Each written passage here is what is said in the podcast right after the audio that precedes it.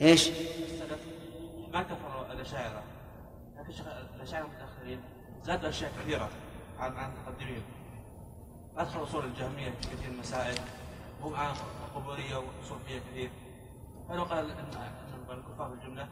الحكم يتغير معي. يتغير حسب علته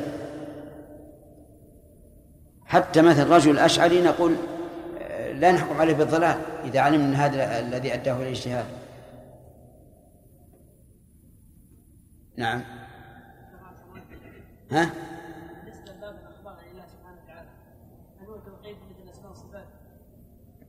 معلوم. كل الأخبار عن أمور المستقبلة كلها توقيفية. أو عن صفات الله عز وجل. نعم. وال عمران. انهما ياتيان حقيقه على يعني على صورة تصورها الله. كما أن الموت تصوره الله مع أنه معنى لا بس مشكل لأن الموت مخلوق. والذي خلق. الموت انتهى الوقت شيخ. انتهى الوقت. إيش؟ نعم سم. بسم الله الرحمن الرحيم. الحمد لله رب العالمين وصلى الله وسلم على عبده ورسوله نبينا محمد وعلى آله وأصحابه أجمعين. قال شيخ الإسلام ابن تيمية رحمه الله تعالى في كتابه العقيدة الواسطية وما وصف الرسول صلى الله عليه وسلم به ربه عز وجل من الأحاديث الصحاح التي تلقاها أهل المعرفة بالقبول وجب الإيمان بها كذلك مثل قوله صلى الله عليه وسلم ينزل ربنا إلى سماء الدنيا كل ليلة حين يبقى ثلث الليل الآخر فيقول من يدعوني فأستجيب له من يسألني فأعطيه من يستغفرني فأغفر له متفق عليه. وقوله صلى الله عليه وسلم لله أشد فرحا بتوبة عبده من أحدكم براحلته الحديث متفق عليه. وقوله صلى الله عليه وسلم يضحك الله إلى رجلين يقتل أحدهما الآخر كلاهما يدخل الجنة. بسم الله الرحمن الرحيم. آه، ما المراد بالسنة في كلام المؤلف هنا؟ نعم. إيش؟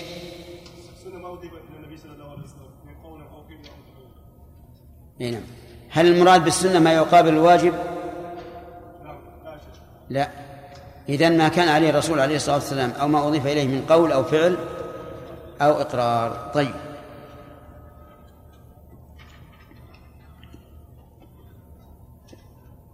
قوله من الأحاديث الصحاح التي تلقاها أهل المعرفة بالقبول. هل لا بد أن تكون صحيحة ويتلقاها أهل المعرفة بالقبول؟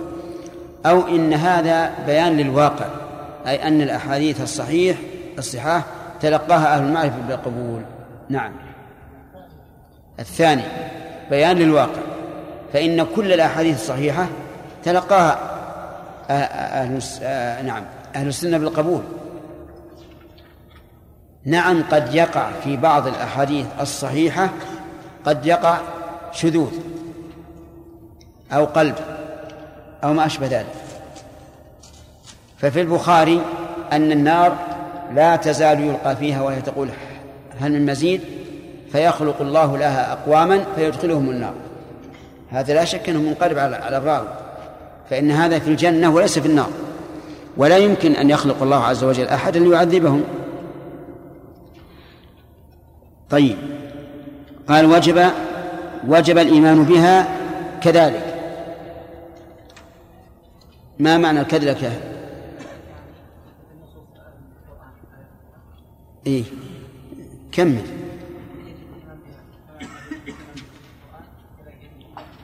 طيب ما يكفي هذا. نعم. كذلك كذلك الكذلك ليش من غير تحريف ولا تعطيل. نعم صحيح. يعني يجب أن نؤمن بها كما نؤمن بالآيات. من غير تحريف ولا تعطيل ولا تكييف ولا تمثيل. فمن ذلك قوله صلى الله عليه وعلى آله وسلم ينزل ربنا إلى السماء الدنيا كل ليلة حين يبقى ثلث الليل الآخر فيقول من يدعوني فأستجيب له من يسألني فأعطيه من يستغفرني فأغفر له. قوله ينزل ربنا. الفعل هنا مضاف إلى الله. وكل مضاف إلى الله فهو مضاف إلى نفس الله إلى الله نفسه. لا يجوز أن يصرف عن ذلك. كما مر علينا في قوله تعالى وجاء ربك أن المعنى جاء الله نفسه. كل فعل أضافه الله إلى نفسه فهو له نفسه ولا يحتاج إلى تأويل. إذا ينزل ربنا إلى السماء الدنيا. من اللي ينزل؟ الله نفسه. وما ورد عن بعض السلف في قولهم ينزل بذاته لا حاجة إليه في الواقع. لأننا نستغني عنه بقوله ينزل ربنا. لكن لما حدث التحريف في عهد السلف وقالوا المراد ينزل كذا وينزل كذا أو, أو كذا اضطروا إلى أن يقولوا ينزل بذاته وإلا ما حاجة. ما دام أضيف الفعل إلى الله فهو له لا لغيره. ينزل ربنا إلى السماء الدنيا وهي التي تلي الأرض. فالدنيا بمعنى القربى يعني القربى إلى الأرض. كل ليلة حين يبقى ثلث الليل الآخر. حرك الآخر. بالضم ولا بالجر؟ بالضم. لأنها لأنها صفة لثلث. حين يبقى ثلث الليل الآخر فيقول قولا حقيقيا من يدعوني فأستجيب له. من؟ اسم استفهام والجواب فأستجيب له. وهنا نقول أستجيب له أو أستجيب له. بالنصب. مر علينا بالأجرمية على أنه جواب. جواب الطلب. من يسألني فأعطيه. من يستغفرني فأغفره. يدعوني في فيقول يا رب. يا رب هذا دعاء. فهي بمعنى من يناديني. من يسألني أن يطلب مني حاجة فأعطيه. من يستغفرني يطلب مني المغفرة فأغفر له. والمقصود بالاستفهام هنا التشويق وإظهار الكرم من الله عز وجل. ففي هذا الحديث من صفات الله عز وجل أنه ينزل إلى السماء الدنيا ونزوله حقيقي وهو من صفاته الفعلية التي تتعلق بمشيئته. والذي قال ينزل هو محمد رسول الله صلى الله عليه وسلم. أفصح الخلق وأعلم الخلق بالله وأشدهم نصحا لعباد الله وأشدهم إرادة إرادة الخير. فإذا اجتمع في هذا الكلام الأوصاف الأربعة التي من آمن بها لزمه القول بموجب الكلام. فالنزول إذا نزول الله عز وجل وحرف أهل التعطيل هذا الحديث وقالوا ينزل أمر. وقال بعضهم تنزل رحمته. وقال آخرون ينزل ملك من ملائكته. وسبحان الله كيف يجرؤ العبد على هذا التحريف؟ والقائل ينزل ربنا الرسول عليه الصلاة والسلام أعلم الخلق بالله. لو أن عالما قال لتلاميذه ينزل ربنا وحرفوا كلامه وقالوا إنك أردت تنزل رحمته أو ملك من ملائكته لغضب عليه. فكيف والقائل رسول الله صلى الله عليه وسلم. ثم نقول لهؤلاء إذا قلتم إن الذي ينزل أمر أمر الله فهل منتهى نزول أمر الله إلى السماء الدنيا؟ لا. يدبر الأمر من السماء إلى الأرض. ثم هل يمكن للأمر أن يقول من يدعوني؟ لا يمكن. إذا قلتم تنزل رحمته فهل منتهى نزول الرحمة السماء الدنيا؟ نعم لو كان كذلك ما فائدتنا من هذا. لا فائدة لنا من هذا إطلاقا. ثم الرحمة لا يمكن أن تقول من يدعوني. إذا قلتم إنه ملك من الملائكة فالملائكة هل يمكن لواحد منهم أن يقول من يدعوني؟ نعم لا يمكن. ومن يقول منهم إني إله من دونه فسوف إيش؟ نعم. فذلك نزيه جهنم خالدا فيها. إذن يمتنع غاية الامتناع هذا التحريف الباطل. ولكن الحامل لهؤلاء المحرفين للكلم عن مواضعه أنهم يجعلون المرجع في إثبات صفات الله إلى عقولهم. ولهذا كان من قواعدهم ما دل العقل على ثبوته من الصفات وجب إثباته سواء جاء في الكتاب والسنة أو لا. وما دل العقل على نفيه وجب على انتفائه نعم على انتفائه وجب نفيه. حتى وإن وجد في الكتاب والسنة. وما لم يدل الدليل على إثبات العقل يعني. وما لم يدل العقل على إثباته أو نفيه فانقسموا إلى قسمين. منهم من توقف وقال لا نثبت ولا ننفي لأن العقل لم يثبت ولم ينفي. ومنهم من قال بل ننفي. لأن من شروط من شرط الإثبات أن يدل عليه العقل والعقل ما دل عليه. كل هذه أقوال باطلة.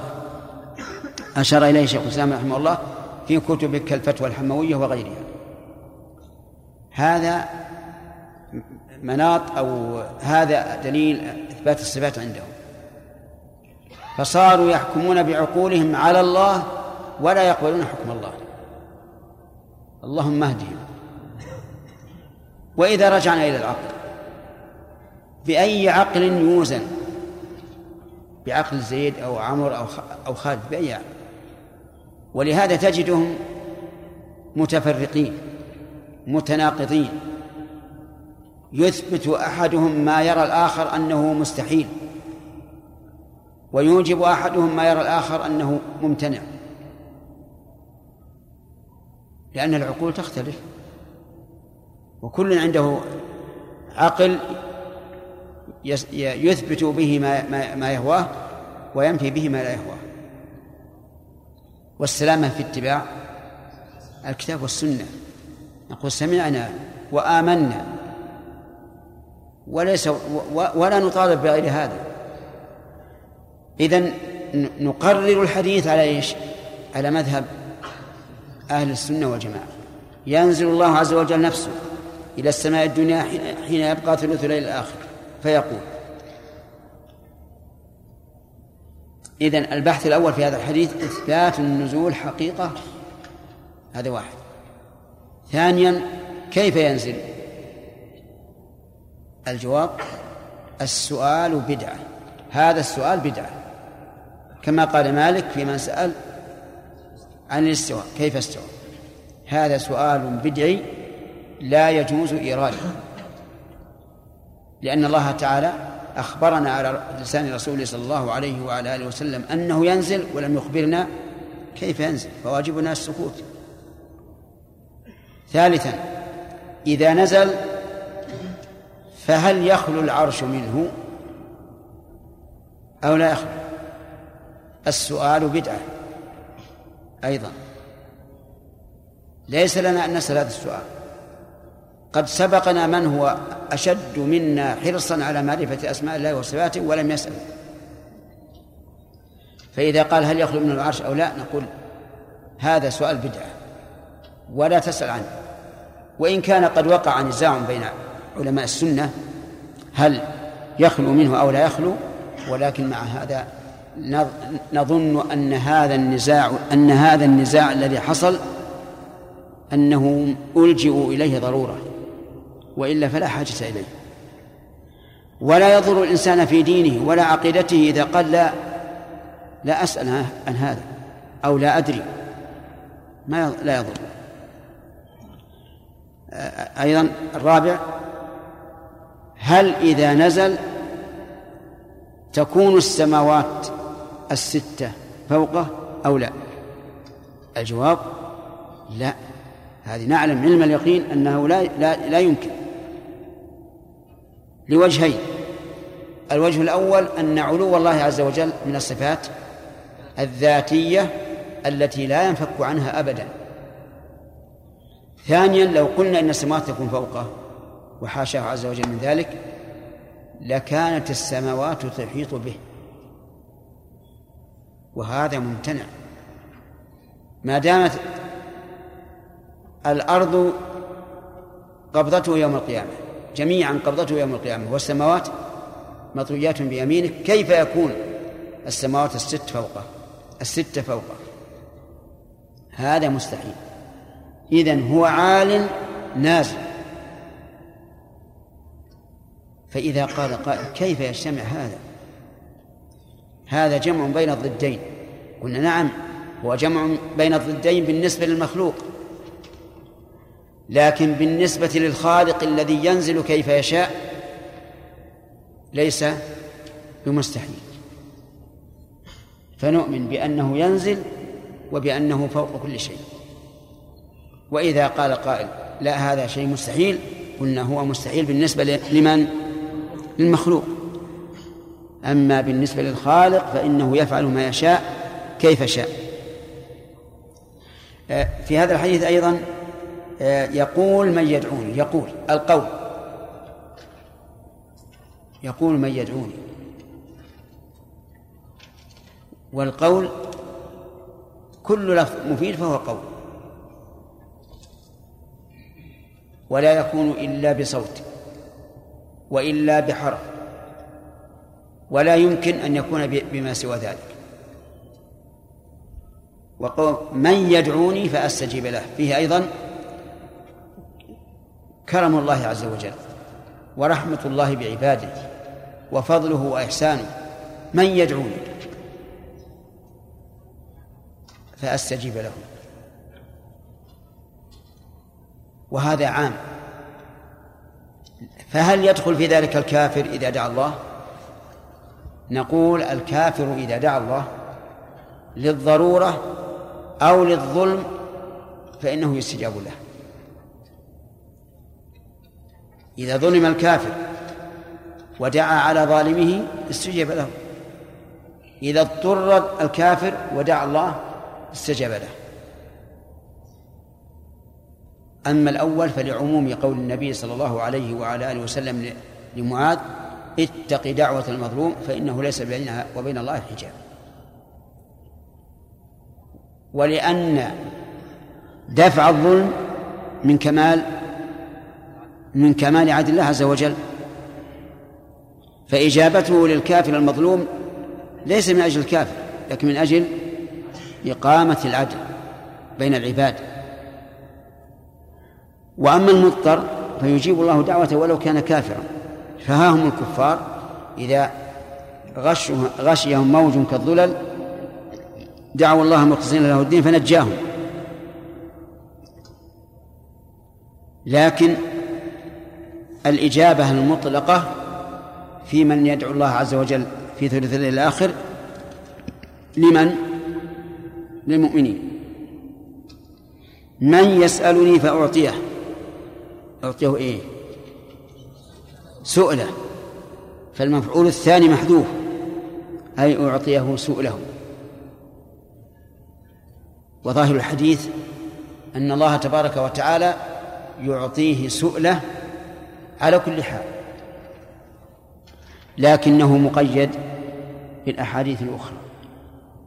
أن الله إما أن يعطيه سؤله وإما أن يصرف عنه من الشر ما هو أعظم من المنفعة التي تحصل له بسؤاله وإما أن يدخر ذلك له. على حسب ما تقتضيه حكمته ورحمته. وهكذا استعمل كل نص فيه أن من دعا أجيب أو ما أشبه ذلك احمله على هذا. على إيه؟ على أن الله مش إما أن يعطيه سؤله. أو يصرف عنه من السوء ما هو أعظم أو يدخر ذلك له. ولا بد أن تحمل على هذا لئلا تظن كذب النصوص في أن من سئل أعطي وأجيب. قال من يستغفرني فأغفر له أي من يطلب مني المغفرة فأغفر له. في هذا الحديث إشكال وهو أن هذا القول الذي يقوله ربنا عز وجل. هل نحن نسمعه؟ أجيبوا يا جماعة؟ لا. إذا ما الفائدة؟ نقول نعم نحن لم نسمعه لكن علمناه يقينا بنقل أصدق الخلق. من؟ محمد رسول الله. وما نقله أصدق الخلق فهو أعظم ثبوتا عندنا مما لو سمعناه.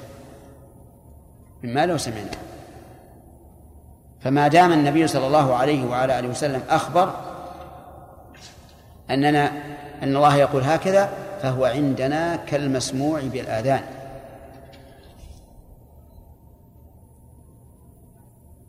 في هذا الحديث من الفوائد المسلكية وهي مسألة تغيب عن كثير من الناس في مثل هذا أنه ينبغي للإنسان أن يغتنم الفرصة في هذا الوقت من الليل.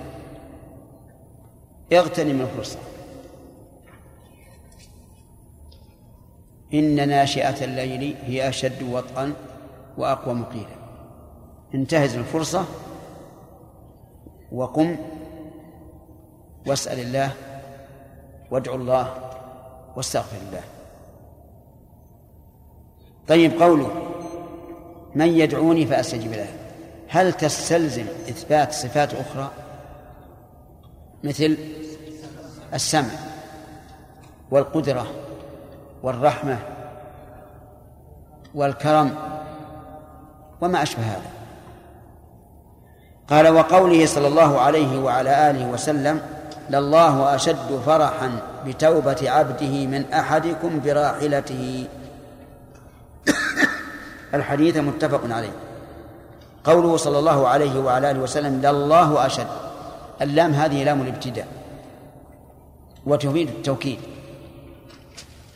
والاسم الكريم مبتدأ. وأشد خبره. وفرحا تمييز. لأنه جاء بعد اسم التفضيل مبينا نوعه. بتوبة عبده من أحدكم براحلته يعني أن العبد إذا أذنب وتاب إلى الله عز وجل فإنه يفرح فرحا أعظم منا نعم أعظم بتوبة عبده من أحدكم براحلته. هذا الحديث أخبر الرسول عليه الصلاة والسلام أن رجلا كان في فلاة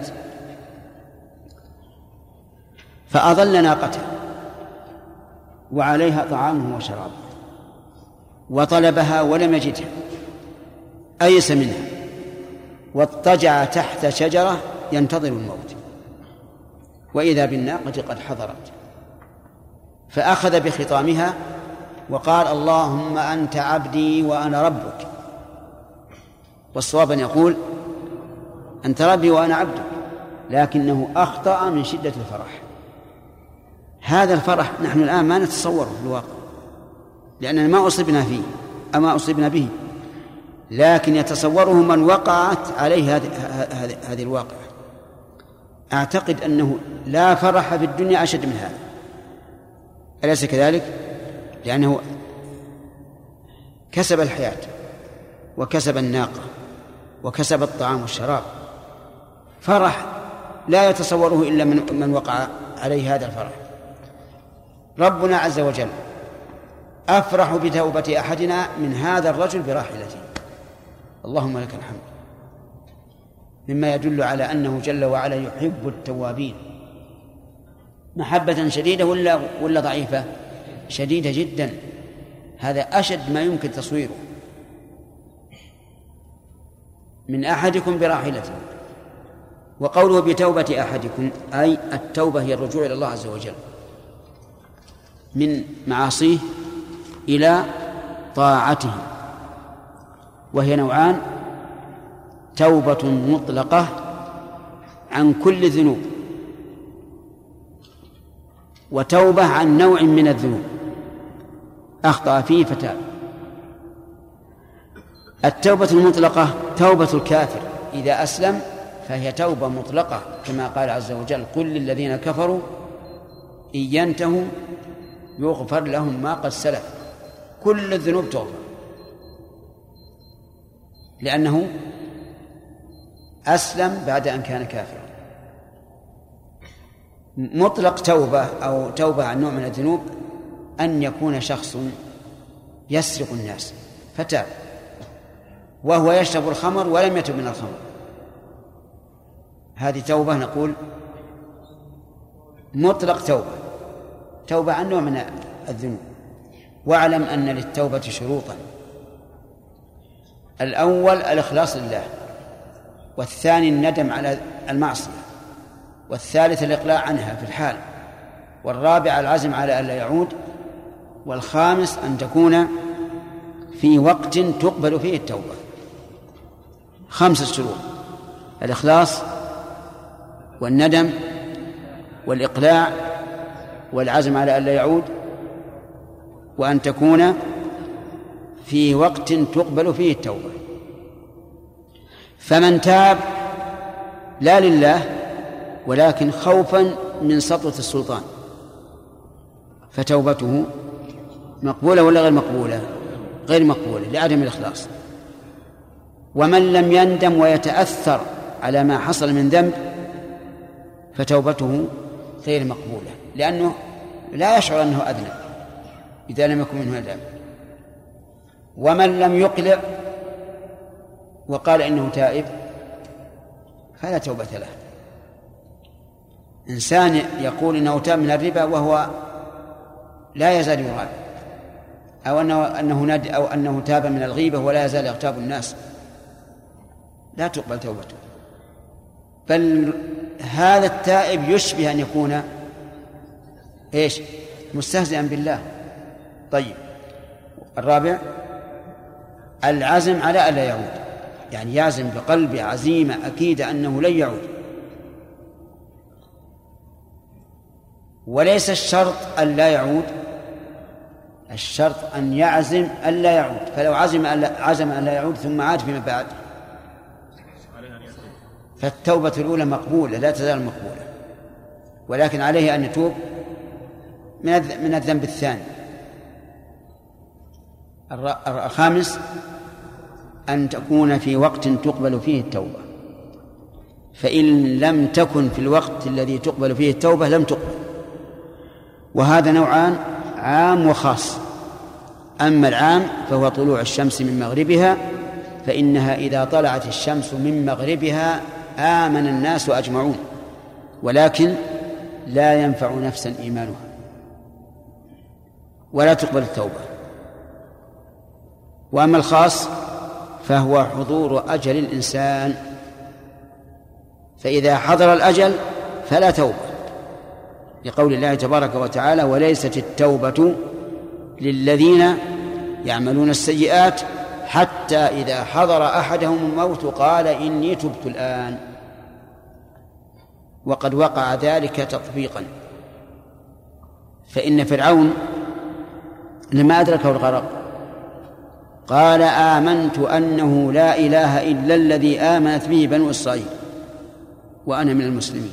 فقيل له الآن وقد عصيت قبل وكنت من المفسدين فاليوم ننجيك ببدنك لتكون لمن خلفك آية. وفي هذه القصة عبر. هذا الرجل اللي كان يذبح بني إسرائيل ويقول لقومه يا أيها الملأ ما علمت لكم من إله غيري. انظر كيف بلغت به الذلة عند موته إلى أن جعل نفسه تابعا لبني إسرائيل. قال آمنت أنه لا إله إلا الذي آمنت آمنت به بنو إسرائيل. لم يقل آمنت أنه لا إله إلا الله. قال إلا الذي آمنت به بنو إسرائيل. ثم العبرة الأخرى أن الله نجى بدنه. نجى بدنه. وبقي على الماء على ظهر الماء. ليراه بنو إسرائيل عين اليقين لأن الرجل قد أرعب قد أرعبهم إرعابا عظيما. ولو قيل لهم إنه هلك مع قومه. ربما يؤمنون وربما يكذبون لأن بني إسرائيل معروف عنهم العتو والبغي والعدوان وربما لا يطمئنون. لكن إذا رأوه بأعينهم طافيا على الماء إيش؟ أيقن. وليس الخبر كالمعاينة. الحاصل أن أن من شروط التوبة أن شروط التوبة خمسة. الإخلاص الندم الإقلاع العزم على أن لا يعود. الخامس أن تكون في وقت قبول التوبة. طيب. وهل تقبل التوبة من ذنب مع الإصرار على غيره؟ اختلف فيه العلماء. فبعضهم قال لا تقبل. لأنه لو كان صادقا في توبته ما عصى الله. وبعضهم قال إنها تقبل. وبعضهم فصل.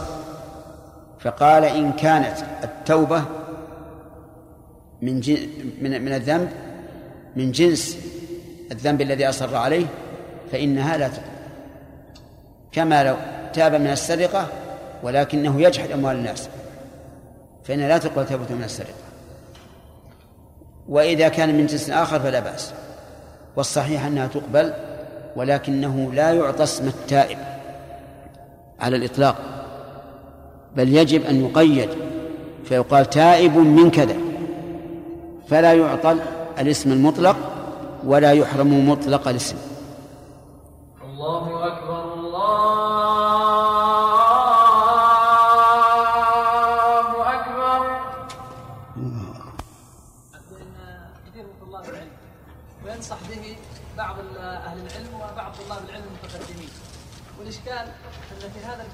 كلمة خلق القرآن مع أنهم يعتبرون أن هذا المؤلف من أهل السنة.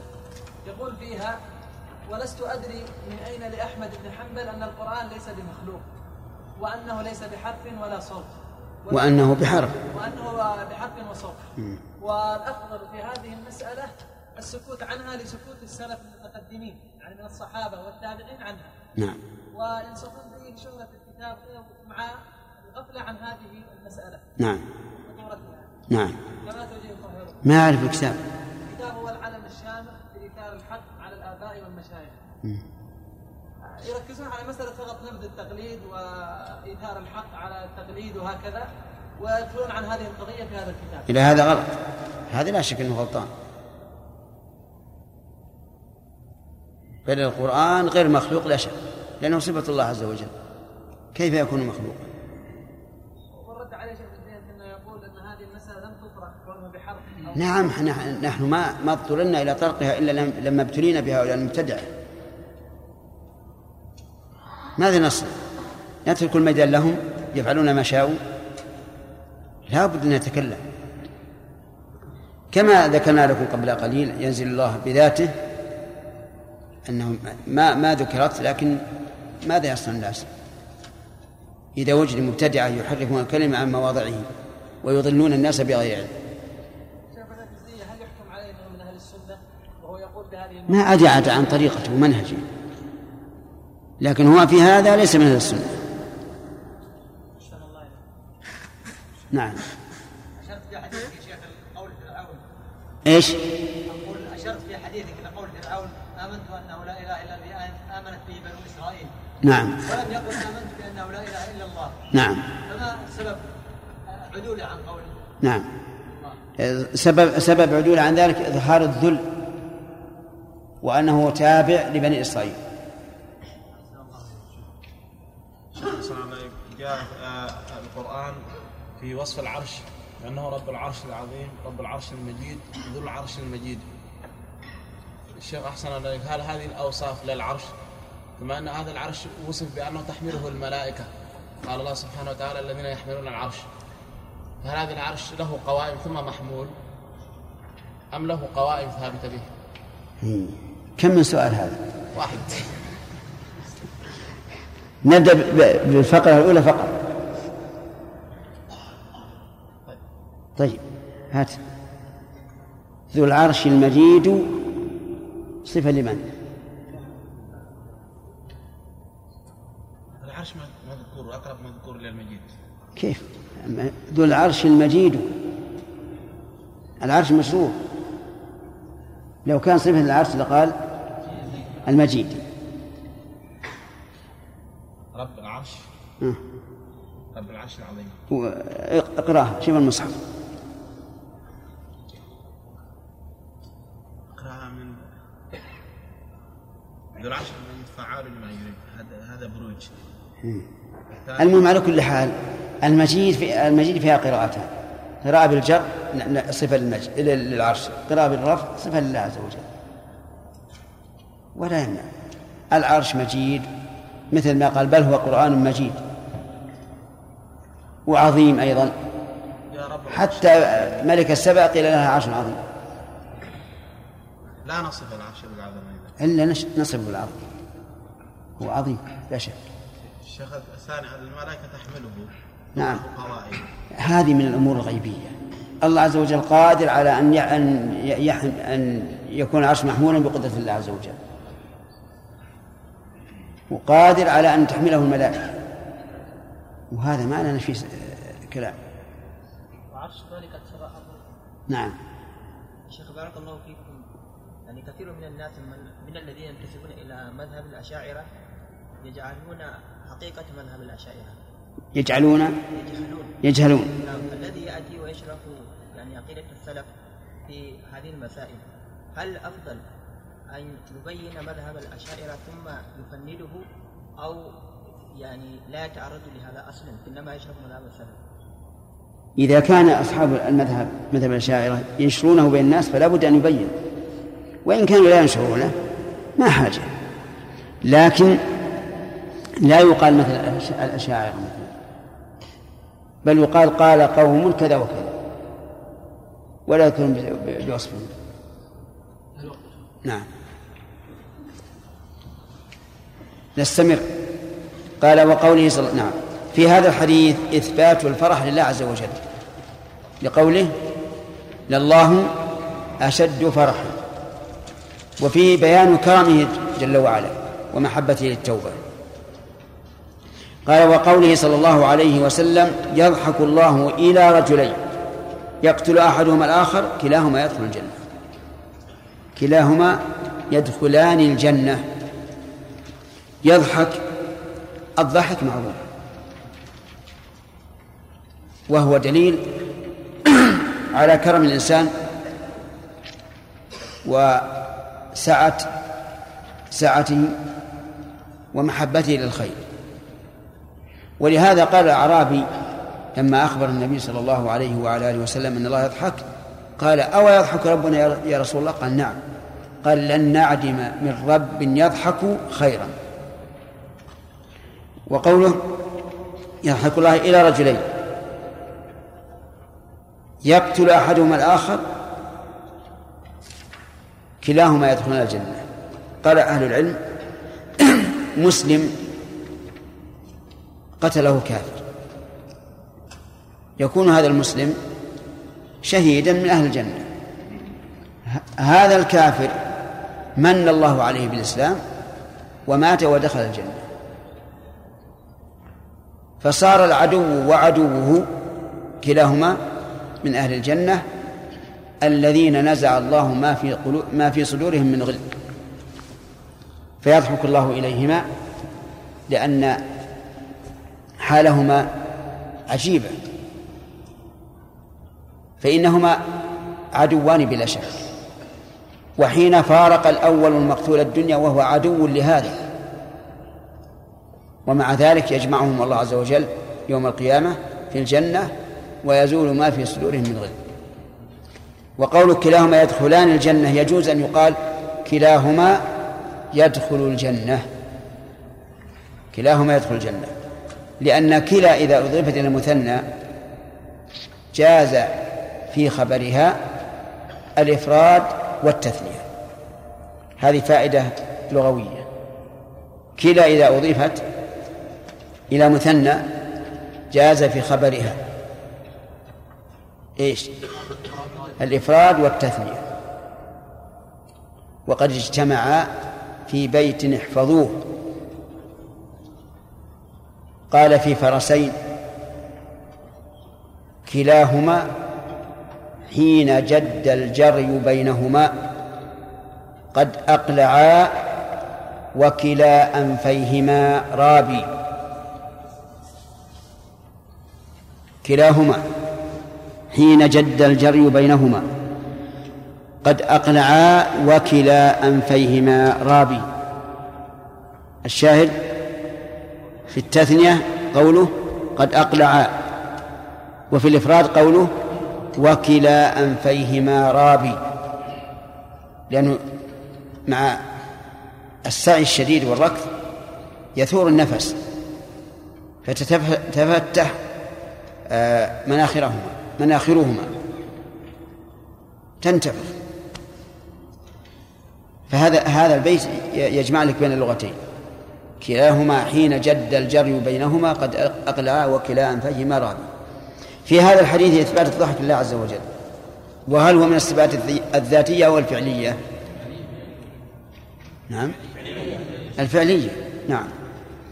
وقال وقوله صلى الله عليه وسلم عجب ربنا من قنوط عباده وقرب غيره. ينظر إليكم أزلين قنطين فيظل يضحك يعلم أن فرجكم قريب. حديث حسن. عجب ربنا. العجب له سببان. السبب الأول أن المتعجب لا يظن وقوع الشيء. فيقع عن غرابة عنده. كما لو حدث شيء لا تتوقعه وليس على بالك فعجبت من وقوعه. وهذا لا يجوز على الله عز وجل. لأن معناه أن الله خفي عليه الشيء فجاء غير متوقع عند الله سبحانه وتعالى. وهذا لا شك أنه نقص. هل الآدم يتصل بهذا النوع أو لا؟ نعم يتصل. النوع الثاني العجب الذي سببه خروج الشيء عما ينبغي أن يكون عليه. والمتعجب عالم به. لكن خرج عما ينبغي أن يكون عليه فهذا يتعجب منه. يثبت لله أو لا يثبت؟ يثبت لله لأنه ليس فيه نقص. أما النوع الثاني من العجب فهو غير القسم الثاني من العجب هو غير داخل في هذا وهو عجب الاستحسان. مثل قول عائشة رضي الله عنها كان النبي صلى الله عليه وسلم يعجبه التيمم في تنعله وتطهره وشيء وفي شأنه كله. هذا لا يدخل في هذا الحديث. لأن معنى العجب الاستحسان وتقول لصاحبك فعلت كذا فأعجبتني. يعني فاستحسنته منك. قوله نعم. عجب ربنا من قنوط عباده أي من يأسهم. وقرب غيره أي قرب تغييره. غير بمعنى تغيير. وهي جمع غيرة. كطيرة جمعها طير. وقرب غيره. ينظر إليكم. أزلين قنطين الأزل الواقع في شدة. والقانط المستبعد لإزالة هذه الشدة فيظل يضحك عز وجل. يعلم أن فرجكم قريب. يعني كيف تستبعدون فرج الله عز وجل وهو على كل شيء قدير؟ ولا ينبغي لكم ولا يليق بكم أن تكونوا آزرين قنطين والله عز وجل قريب قريب الفرج. ففي هذا الحديث فوائد. منها إثبات العجب لله لقوله عجب ربنا. والعجب ثابت بنص القرآن العجب لله عز وجل. قال الله تبارك وتعالى بل عجبت ويسخرون. قراءة سبعية بل عجبت ويسخرون. والقراءة المشهورة بل عجبت. أي أي يا محمد. لكن القراءة بل عجبت قراءة الصحيحة يقرأ بها الإنسان حتى في الصلاة لأنها قراءة سبعية. والعجب كما شرحنا أولا العجب الثابت لله عز وجل هو الذي سببه خروج الشيء عما ينبغي أن يكون عليه. والعجب صفة ذاتية أو فعلية؟ فعلية. لأن القاعدة أن كل صفة لها سبب فهي نعم من صفات الأفعال.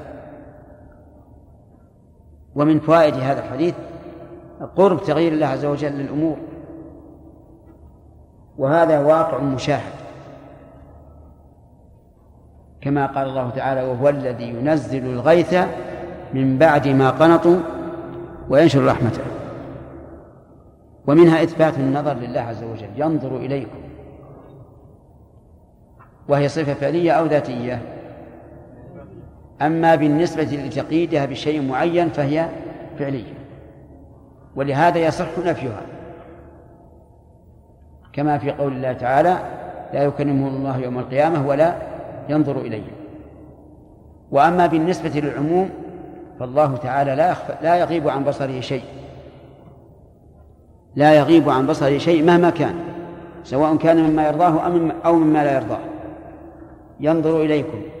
أزلين قنطين الأزل الواقع في الشدة والقنط المستبعد فرجها. و فيظل يعني لا يزال يضحك يعلم أن فرجكم قريب. وقال رحمه الله وقوله صلى الله عليه وسلم لا تزال جهنم يلقى فيها. وهي تقول هل من مزيد حتى يضع رب العزة عليها رجله وفي رواية عليها قدمه فينزوي بعضها إلى بعض فتقول قط قط متفق عليه. لا تزال جهنم يلقى فيها. هذه من أفعال الاستمرار. ويلقى فيها أي يلقى فيها أهلها. والحجارة أيضا. يقول الله تعالى وقودها الناس والحجارة وهي تقول هل من مزيد؟ هل من مزيد؟ الاستفهام هنا هل هو للنفي؟ بمعنى لا مزيد على ما ألقي في أو للطلب. الثاني للطلب تقول هاتوا هاتوا هل من مزيد؟ ولهذا قال الله عز وجل يوم نقول لجهنم هل امتلأت؟ وتقول هل من مزيد؟ تطلب الزيادة. حتى يضع رب العزة فيها رجله وفي رواية عليها قدم. يضع عليها. تفضلا منه وكرما. لأنها الآن لم تمتلئ وتطلب الزيادة. فيضع الله عليها رجله فينزوي بعضها إلى بعض يعني ينضم بعضها إلى بعض وتقول فتقول قط قط يعني كفاية. وهذا عكس الجنة الجنة يبقى فيها فضل. فيخلق الله تبارك وتعالى أقواما يسكنهم الجنة. النار بالعكس يبقى فيها فضل وتقولها من مزيد ولكن الله لا يخلق لها أقواما لأنه لو خلق أقواما لكان المعنى أنه خلق أقواما لإيش؟ يعذبهم وهذا مستحيل على الله عز وجل. لكن إذا بقي وضع الله عز, عز وجل فيها رجلة وفيها بمعنى عليها لا شك.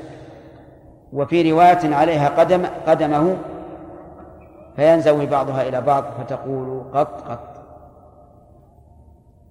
في هذا الحديث من صفات الله عز وجل. إثبات الرجل والقدم وهما بمعنى واحد. الرجل والقدم بمعنى واحد.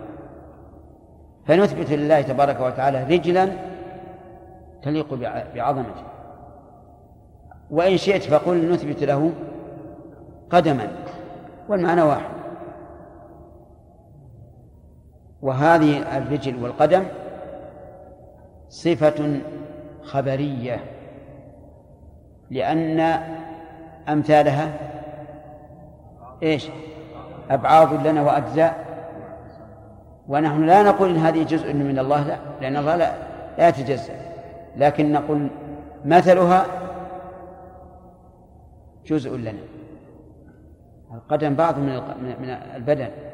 الرجل بعض من البدن. لكن بالنسبة لله لا تقول هذه بعض أو جزء لأن هذا ممنوع ولا يحل. ومن فوائد هذا الحديث في غير الصفات أن الجماد يتكلم. يتكلم. إجابة لله عز وجل. النار جماد. لكن إذا قال الله له هل امتلأت لا بد أن تخاطب. كما قال عز وجل ثم استوى إلى السماء وهي دخان فقال لها وللأرض ائتيا طوعا أو كرها. إيش؟ قالتا أتينا طائعين. فأجاب الله عز وجل. وليس هذا بغريب.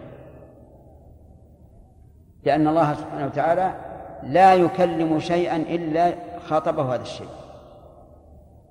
لما خلق القلم قال له اكتب. قال يا ربي وماذا أكتب؟ فخاطب الله عز وجل.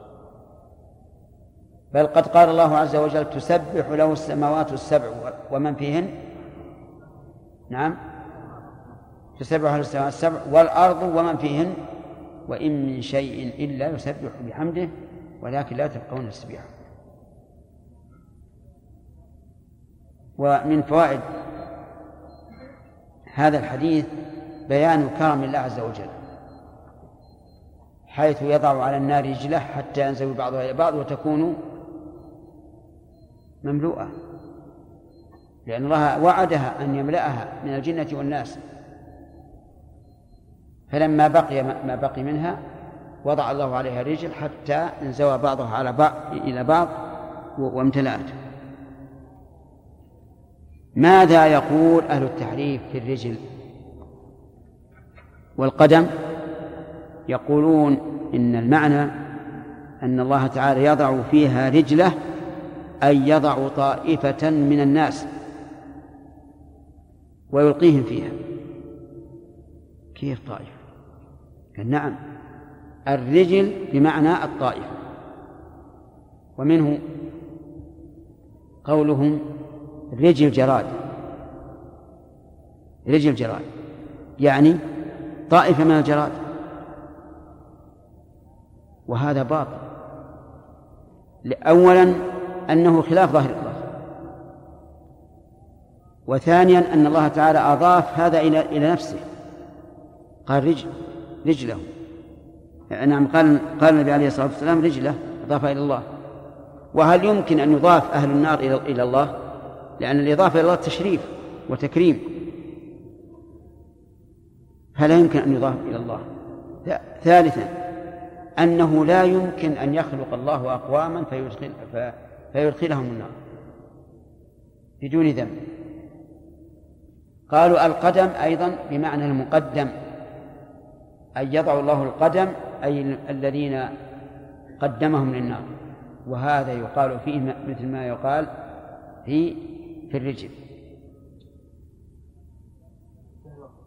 انتهى الوقت ولا جاءت أسئلة؟ إذا نعم.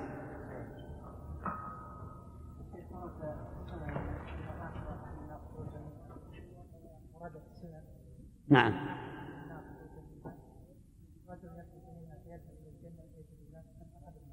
إيش ف... نعم. نعم. نعم.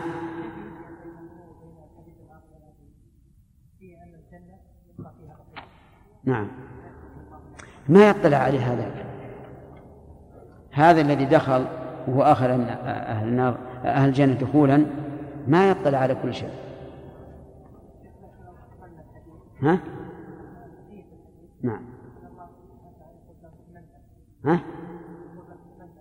نعم. ما في الدنيا. إي نعم. صحيح. نعم هذا الرجل ظن ان ان الجنة ممتلئة. وهذا حسب علمه. وتمنى أن الله يعطيه مثل الدنيا. لأن هذا منتهى غاية يعني هذا غاية ما عنده. واضح؟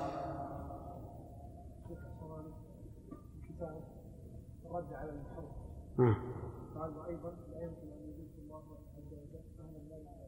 نعم.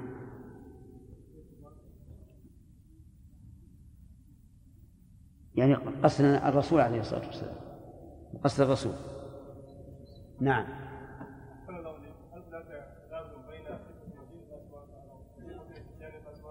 ها كيف؟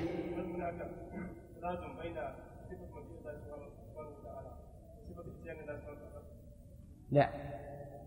الإتيان والمجيء بمعنى واحد. لكن هذا إذا إذا إذا لم يتعدى. أما مثلا إذا تعدى مثل ولقد جئناهم بكتاب. فليس المعنى أن الله جاء بنفسه لكن أتى بكتاب. فالآتي في الحقيقة هو الكتاب. ومثل بل أتيناهم بذكرهم. ليس المعنى أنه أتى بنفسه بل أتى بهذا الذكر فيكون آتي والذكر لا النزول غير الاتيان. أن تقول المجيء. والله المستعان. ما نعلم اللي بقلبه النزول شيء والاتيان شيء آخر. الاتيان والمجيء شيء واحد. لا ما في تلازم ما في تلازم أن تؤمن بأن الله ينزل السماء الدنيا. أورد بعض بعض الجهال بما أن الناس الآن اطلعوا أن الليل يختلف. قد يكون الليل هنا نهارا عند أهل المشرق ونهارا أيضا عند أهل المغرب. فقالوا كيف يكون هذا؟ واضح يا جماعة؟ يقول هذا لا يجوز السؤال. متى كان ثلث الليل على وجه الأرض فهو ثلث الليل. وإن كان في أرض أخرى ليس ثلث الليل.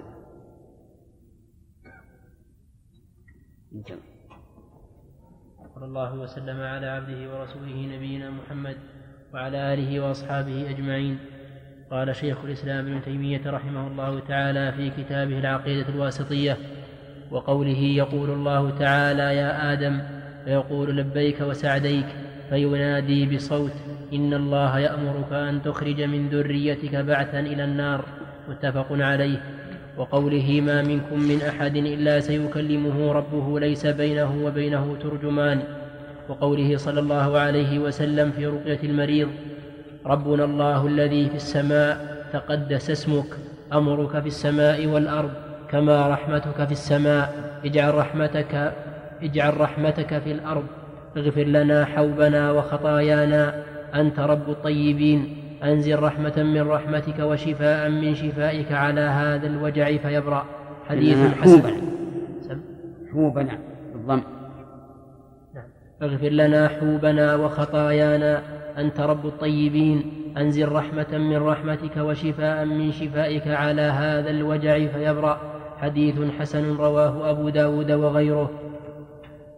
وقوله ألا تأمنونني وأنا أمين من في السماء. تأمنوني. ألا تأمنوني وأنا أمين من في السماء. حديث صحيح. وقوله والعرش فوق الماء والله فوق العرش وهو يعلم ما أنتم عليه. حديث حسن رواه أبو داود وغيره. وقوله صلى الله عليه وسلم للجارية أين الله؟ قالت في السماء. قال من أنا؟ قال قالت أنت رسول الله. قال أعتقها فإنها مؤمنة رواه مسلم. وقوله أفضل الإيمان أن تعلم أن الله معك حيثما كنت حديث حسن. وقوله إذا قام أحدكم إلى الصلاة فلا يبصق قبل وجهه ولا عن يمينه فإن الله قبل وجهه ولكن عن يساره أو تحت قدمه. متفق, متفق عليه. بسم الله الرحمن الرحيم. الحمد لله رب العالمين. وصلى الله وسلم على نبينا محمد وعلى آله وأصحابه ومن تبعهم بإحسان إلى يوم الدين. هل يجوز لنا أن نثبت أن لله رجلا؟ إبراهيم. يجوز؟ يجوز. يجوز. أو يجب؟ يجب. طيب. الدليل؟ نعم الله عز وجل يضع يده على النار تقول قط قط فينزل بعضها على بعض وتقول قط قط. طيب. وهل نثبت لله قدما؟ نعم. الدليل.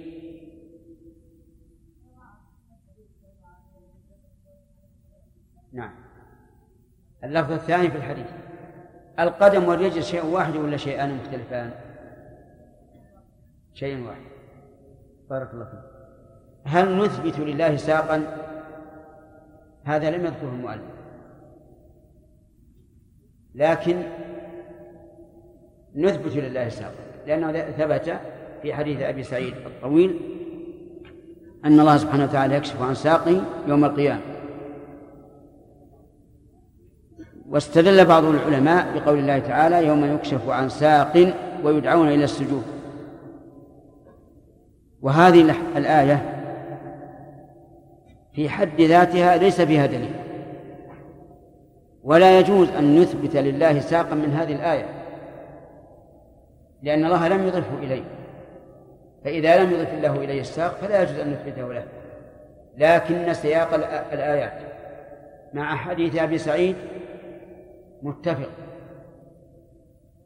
فتفسر الآية بما دل عليه حديث أبي سعيد ونقول إن المراد بالساق هنا ساق الله عز وجل وإن كان جاء نكرة لكنه لما كان سياق الآيات يطابق ما جاء في حديث أبي سعيد حملناه على ذلك. والآية فيها قولان للعلماء منهم من يثبت الساق منها ومنهم ومنهم من لا يثبت. ثم استطرد المؤلف رحمه الله في الأحاديث فقال وقوله يقول الله تعالى يا آدم فيقول لبيك وسعديك. قوله يا آدم هذا يقول الله يوم القيامة. يا آدم وهو أبو البشر فيقول لبيك أي إجابة بعد إجابة وسعديك أي إسعادا بعد إسعاد. وهذا مما جرت به المخاطبة في لغة في لغة العرب. والظاهر أن لغة الناس في يوم القيامة لغة عربية. فيقول لبيك وسعديك فينادي بصوته ينادي أي الله بصوت هذا تأكيد لقوله ينادي تأكيد معنوي. وذلك لأن النداء لا يكون إلا بصوت فإذا جاء التأكيد بالصوت زال احتمال المجاز. كقوله تعالى وكلم الله موسى تكليما فأكد الجملة أو أكد الفعل بالمصدر لينتفي بذلك احتمال المجاز.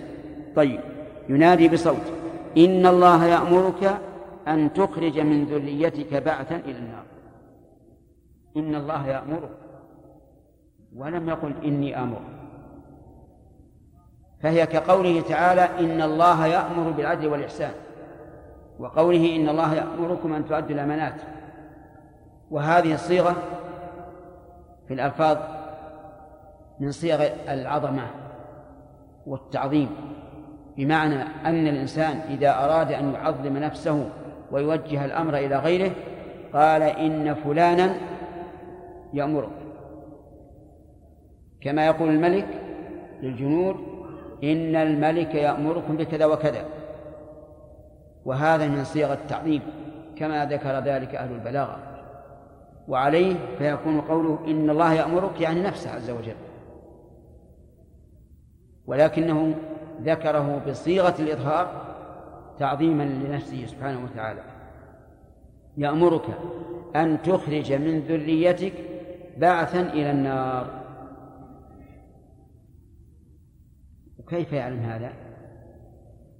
إما بإلهام من الله عز وجل يعرفهم بسيماهم أو بما يوقعه في في قلبه الله أعلم. المهم أنه امتثل. قال وما بعث النار؟ قال من كل ألف تسعمائة وتسعة وتسعون. واحد في الجنة والباقي في النار. اللهم أجرنا من النار. الصحابة رضي الله عنهم شق عليهم ذلك. وقالوا يا رسول الله أينا ذلك الواحد؟ فقال أبشروا ما كنتم إنكم في أمتين ما كانتا في شيء إلا كثرتاه يأجوج ومأجوج. منكم واحد ومنهم ألف. وفي هذا دليل واضح على أن يأجوج ومأجوج من البشر وأنهم ليسوا كما يذكر في الكتب أن منهم الطويل المفرط ومنهم القصير المفرط ومنهم من آذانه كبيرة جدا. إحدى الأذنين يفترشها والثاني يتغطى بها وأن منهم القصار جدا جدا حتى إنهم يترادفون على على المد مد ربع الصاع يترادفون عليه فالأعلى منهم يطل ويقول هذه بير. نعم. وما أشبه ذلك من الخرافات. هذه لا أصل لها. هم من بني آدم وعلى أشكال بني آدم. لكنهم قوم مفسدون في الأرض. الشاهد من هذا الحديث قوله فينادي بصوت. فينادي بالصوت. فهذا نص صريح في أن كلام الله تعالى يكون بصوت. وكذلك يقول وما أشبه في هذا الحديث ولكن الشاهد الذي لا يمكن الفرار منه قوله فينادي بصوت. وقوله صلى الله عليه وعلى آله وسلم ما منكم من أحد إلا سيكلمه ربه ليس بينه وبينه ترجمان. ما منكم من أحد من هذه زائدة إعرابا. وأحد مبتدأ ومنكم خبر مقدم إلا سيكلمه ربه وذلك يوم القيامة ليس بينه وبينه ترجمان بل يكلمه عز وجل بلغة يفهمها.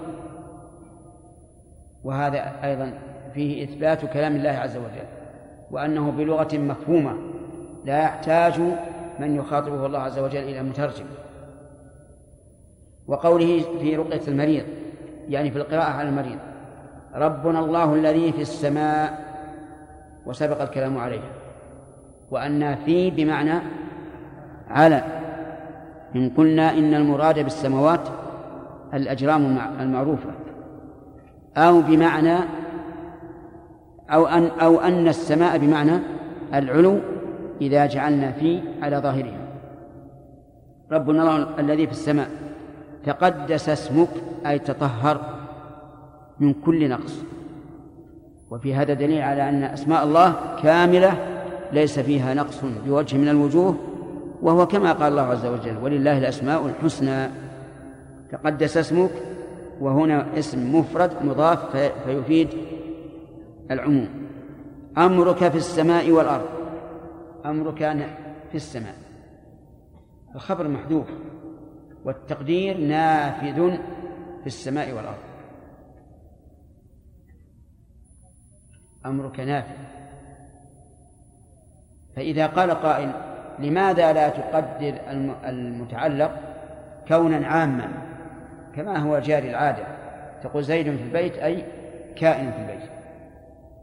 فالجواب أن أننا إذا قلنا أمرك كائن في السماء والأرض ليس فيه تلك الفائدة التي نستفيدها من إذا مما إذا قلنا أمرك نافذ في السماء والأرض. والمراد بالأمر هنا الأمر الكوني. الذي لا مرد له. أما الأمر الشرعي فإنه نافذ في السماء وأما في الأرض فمنكم كافر ومنكم مؤمن. أمرك في السماء والأرض. كما رحمتك في السماء اجعل رحمتك في الأرض.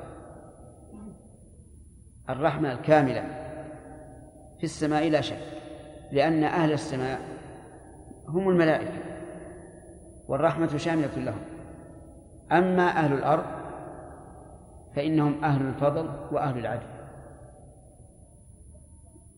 قد قد يخلو بعض الناس من رحمة الله تعالى التي هي جلب المنفعة وإن كان في في المضرة التي يقدرها الله عز وجل رحمة للإنسان لأنها تكفر عنه الذنوب. قال كما رحمتك في السماء اجعل رحمتك في الأرض. هذا من باب التوسل بإيش؟ بالصفات ولا بالأفعال؟ بالأفعال. اجعل رحمتك في الأرض. آه نعم. اغفر لنا حوبنا وخطايانا. الحوب الإثم الكبير والخطايا ما دون ذلك. أنت رب الطيبين وهذه ربوبية خاصة. وإلا في الربوبية العامة للطيبين والخبيثين. أنزل رحمة من رحمتك وشفاء من شفائك. على هذا الوجع فيبرأ. هذا هو المقصود بالرقية على المريض. أن ينزل الله عليه رحمة من رحمته وشفاء من شفائه. فيبرأ. هذا الحديث يقول المؤلف إنه حديث حسن. رواه أبو داود وغيره وبعض أهل العلم أهل العلم يضعفه. ويقول إنه لا يصح. لكن المؤلف رحمه الله إمام حافظ له باع طويل في علم الحديث رواية ودراية وتحسينه للحديث مقبول ويؤخذ به.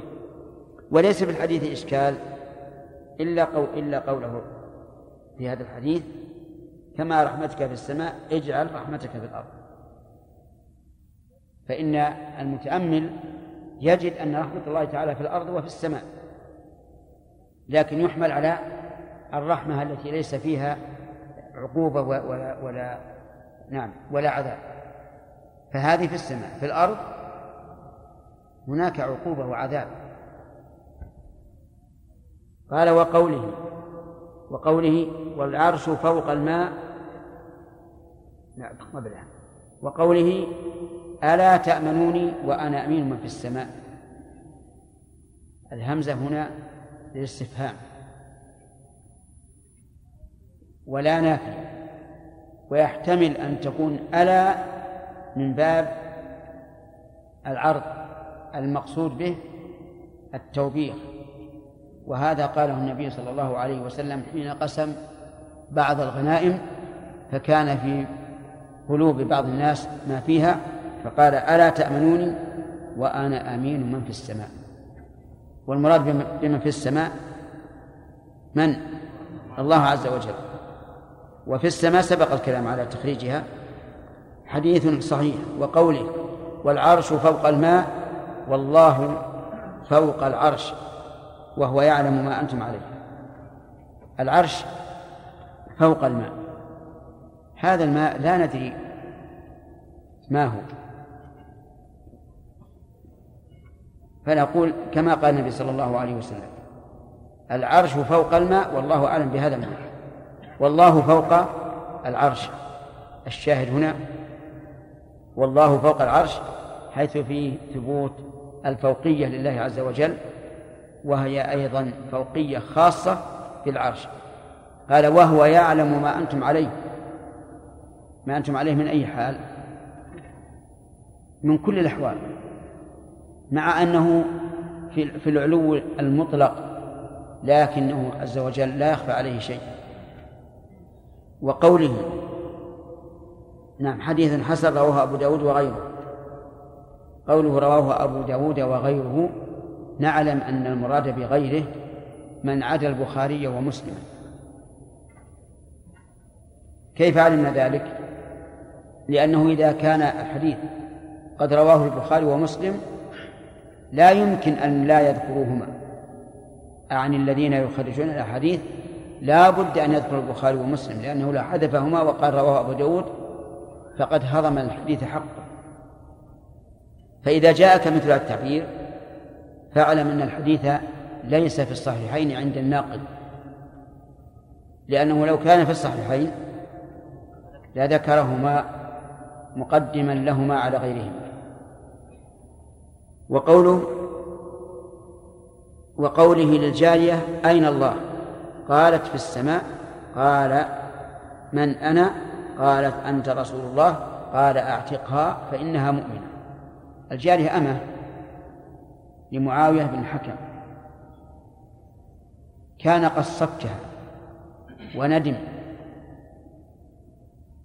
فأراد أن يعتقها ليكفر ذلك عن صكته إياها فأخبر بذلك النبي صلى الله عليه وعلى آله وسلم فدعا بها فأتت. فقال لها أين الله؟ قالت في السماء. على الفطرة. هي جارية ما قرأت ولا درست ولا عرفت لكن على الفطرة. قالت في السماء. قال من أنا؟ قالت أنت رسول الله. وهذا يتضمن الشهادتين. لأن الذي في السماء هو الله عز وجل وليست الآلهة المعبودة من دون الله في السماء. فيكون في هذا إخلاص في إخلاصها الألوهية لله وحده. أما شهادة الرسالة فقال فلما سألها من أنا قالت رسول الله. قال أعتقها فإنها مؤمنة. أعتقها فإنها مؤمنة. والعتق هو تحرير الرقبة وتخليصها من الرق. وقوله فإنها مؤمنة تعليل للأمر بإعتاقها. يستفاد من هذا الحديث فيما يتعلق بصفات الله أن الله تعالى في السماء. لأن النبي صلى الله عليه وعلى آله وسلم أقر الجاري على ذلك. ويستفاد منه أنه يستفهم عن هذا بصيغة المكان. أين الله؟ وهذه آه، الأداة يستفهم بها عن المكان. نعم. فنعم فإذا قال قائل إذا قلتم إنه يستفهم بها عن المكان ففيه إشكال. وهو أنه قد يتصور المتصور أن هذا المكان يحيط بالله. كما نحن الآن في المسجد في مكان. لكن المسجد يحيط بنا. فالجواب أن المكان الذي له فيه مكان هوى. بمعنى لا لا يحصره شيء إطلاقا. هو فوق المخلوقات كلها. كما جاء في الحديث وفي عماء ما فوقه آه، عماء وما وما تحته عماء. بمعنى أنه ليس فوقه شيء. في مكان لكن ما يحيط به شيء. واضح ولا غير واضح؟ طيب. إذن المكان الذي يستفهم عنه بأين بالنسبة لله لا يمكن أن يحيط به عز وجل. بل هو في فضاء ما فيه شيء يحاذيه أو يحيط به. ومن فوائد الحديث الفقهية أنه لا ينبغي أن يعتق إلا من كان مؤمنا. لأنه إذا اعتق غير المؤمن ربما يحن إلى أهله في بلاد الكفر. لأن أصل لأن أصل الرق هو سبي الكفار أي سبي نسائهم وذرياتهم فيخشى إذا أعتق أن يرجع إلى أهله. ويكفر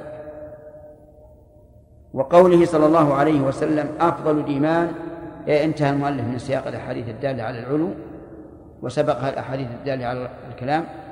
انتقل الأحاديث الدالة على المعية فقال وقوله أفضل الإيمان أن تعلم أن الله معك حيثما كنت حديث حسن.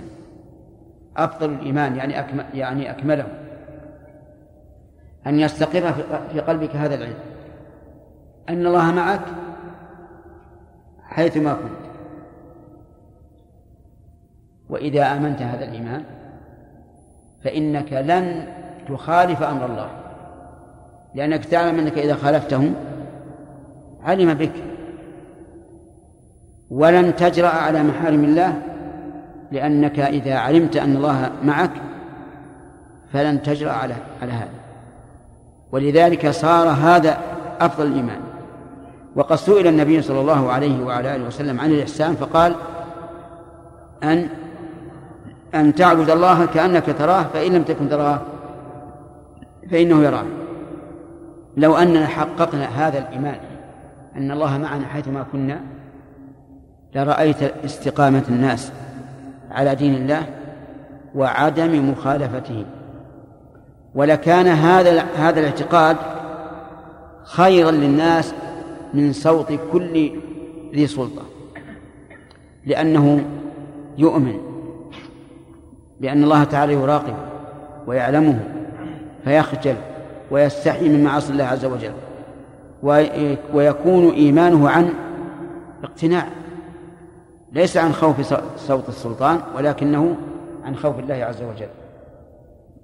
وقوله إذا قام أحدكم إلى الصلاة فلا يبصقن قبل وجهه ولا عن يمينه فإن الله قبل وجهه ولكن عن يساره أو تحت قدمه. هنا أربع جهات للمصلي. إذا قام يصلي فله أربع جهات أمام وخلف ويمين وشمال. فإذا قام يصلي فإنه لا يحل له أن يبصق بين يديه. لأن في ذلك سوء أدب مع الله عز وجل. لأن الله قبل وجهه تبارك وتعالى. وهل من الأدب مع شخص مثلك أو أدنى منك أن أن تبصق بين يديه؟ عجيب. لا. إذا كان هذا لا يمكن بالنسبة للمخلوق فيجب أن لا يمكن بالنسبة للخالق فالله تعالى أحق أن يعظم وأحق أن يستحيا منه. والبصاق في بين يدي المصلي حرام وإثم وسوء أدب مع الله. ولكن هل تبطل الصلاة به؟ الجواب لا تبطل الصلاة به. لأن التحريم هنا لا يعود إلى شيء يتعلق بالصلاة وإنما يعود إلى أدب مع الله عز وجل. بقي من الجهات إيش؟ الخلف. لا يمكن أن نبصق خلفه لأنه لو فعل ذلك لاستدبر القبلة. بقي اليمين واليسار. أيهما أولى؟ اليسار. أولى أن يبصق عن يساره. فقيل لأن عن يمينه ملكا. وهذا التعليل فيه نظر. لأن عن اليسار ملكا أيضا كما قال عز وجل عن اليمين وعن وعن الشمال قريب وانفصل عن هذا الإيراد الذي قال عن يمينه ملكا قال لأن ملك الملك عن يمينه له السلطة على ملك الشمال فهو أفضل منه. ولكن يقال إن صح هذا عن النبي صلى الله عليه وعلى آله وسلم فهو مسلم ولا قول لأحد وإن لم يصح فلأن جانب اليمين أولى من التكريم أولى بالتكريم من جانب اليسار. وقول أو تحت قدمه هذا أيضا محل للبصاق إذا كان الإنسان يصلي. الشاهد من هذا الحديث بالنسبة فيما يتعلق بالصفات أن الله تعالى قبل وجه المسلم حقيقة أو مجازا؟ حقيقة. يجب أن نؤمن بأنه قبل وجه المصلي. حقيقة. وحينئذ يرد علينا أشكال. وهو هل هذا ينافي علوه عز وجل؟ فالجواب لا. لا ينافي. لأن من الممكن أن يكون الشيء قبل وجهك وهو عال عليك. وأقرب مثال لهذا أنك لو اتجهت إلى الشمس عند غروبها أو شروقها لكانت إيش؟ قبل وجهك وهي فوق. ثم على فرض أن هذا لا يمكن بالنسبة للمخلوق فالخالق لا يقاس بغيره فهو ممكن في حق الخالق. إذا لا إشكال والحمد لله أن الله قبل وجهه. المصلي. وفيه أيضا من من الأمور الفقهية أنه يحرم أن يبصق عن قبل وجهه أن يبصق قبل وجهه كما قررناه قبل قليل. وفيه أيضا أن النخامة طاهرة. من أين تؤخذ؟ من قوله أو تحت قدمه ولو كانت نجسة ما جاز أن أن يلامسها بقدمه قال وقوله صلى الله عليه وسلم الشاهد من هذا الحديث أن الله قبل وجه المصلي. وقوله صلى الله عليه وسلم اللهم رب السماوات السبع والأرض ورب العرش العظيم ربنا ورب كل شيء. فالق الحب والنوى منزل التوراة والإنجيل والقرآن. أعوذ بك من شر نفسي ومن شر كل دابة أنت آخذ بناصيتها أنت الأول فليس قبلك شيء وأنت الآخر فليس بعدك شيء وأنت الظاهر فليس فوقك شيء وأنت الباطن فليس دونك شيء. اقض عني الدين وأغنني من الفقر رواه مسلم. هذا حديث طلب الغنى وقضاء الديون. ولا شيء أفضل منه لأنه من عند الرسول صلى الله عليه وعلى آله وسلم. قولها اللهم رب السماوات السبع والأرض ورب العرش العظيم. الرب سبق لنا أن معناه الخالق المالك المدبر. ربنا ورب كل شيء. قوله رب كل شيء تعميم بعد تخصيص لئلا يظن أن ربوبيته خاصة بما ذكر. ونظير هذه قوله تعالى قل إنما أمرت أن أعبد رب هذه البلدة. إن نعم. قوله إنما أمرت أن أعبد رب هذه البلدة الذي حرمها وله كل شيء. لما قال رب هذه البيت البلدة قد يظن ظان أنه ليس ربا لكل شيء فقال وله كل شيء. قال رب فالق الحب والنوى. الفلق الفتح. ومعنى فالق الحب؟ أنه سبحانه وتعالى هو الذي يفلق الحبة من الحنطة أو الذرة أو الشعير حتى تخرج فتكون زرعا. النوى يعني نوى النخيل وأشباهه لأن الذي يخرج إما حبوب وإما ثمار فالثمار له نوى والحبوب له حب. فارق الحب والنوى. منزل التوراة. والإنجيل والقرآن. ثلاثة. أنزلها الله عز وجل لهداية الخلق. وبدأها بالترتيب الزمني. فبدأ بالتوراة لأنها الأولى. ثم الإنجيل لأنه الثاني. ثم القرآن لأنه الأخير.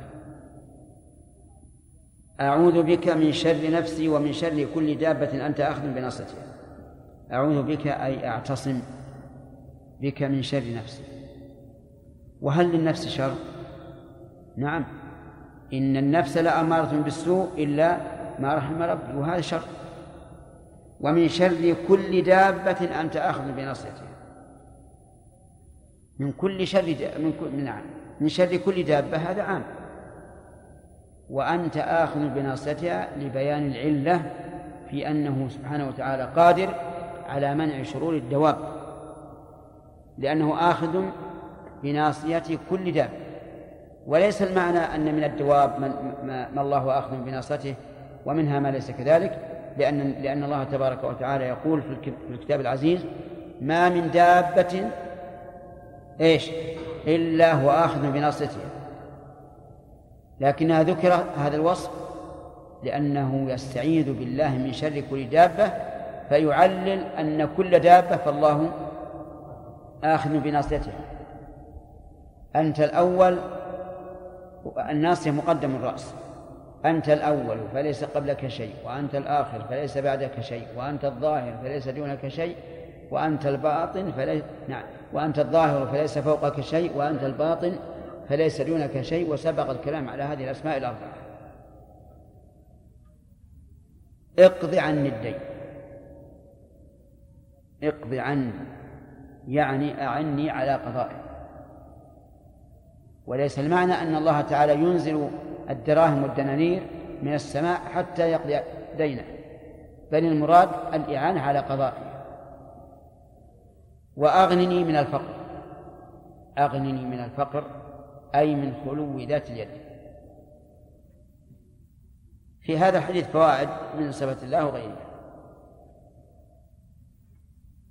فيه من الفوائد في الصفات أن التوراة والإنجيل والقرآن كلها إيش؟ منزلة من عند الله عز وجل. وفيها أيضا إثبات الأسماء الأربعة وما تتضمنه من الصفات. فيه من المسائل الفقهية أن قضاء الدين ثقيل أن الدين ثقيل. ولهذا سأل النبي صلى الله عليه وسلم ربه أن يقضي عنه دينه. فإن قال قائل هل النبي صلى الله عليه وسلم يكون مدينا فالجواب نعم يكون مدينا فإنه كان يستقرض على إبل الصدقة وكان صلى الله عليه وسلم يشتري الطعام لأهله ويرهن صاحب الدكان فقد اشترى طعاما لأهله في آخر حياته وأرهن البائع درعه ومات ودرعه مرهون عليه الصلاة والسلام. طيب وهل وفي الحديث أيضا أنه ينبغي للإنسان أن يسأل الله الغنى من الفقر؟ ما هو الغنى الطائل؟ الغنى من الفقر يعني بقدر الحاجة لأن الغنى الزائد لأن الغنى الزائد ربما يطغي الإنسان وينسيه ربه عز وجل. لكن الغنى الذي فيه الكفاية كافٍ ولهذا قال أغنني من الفقر.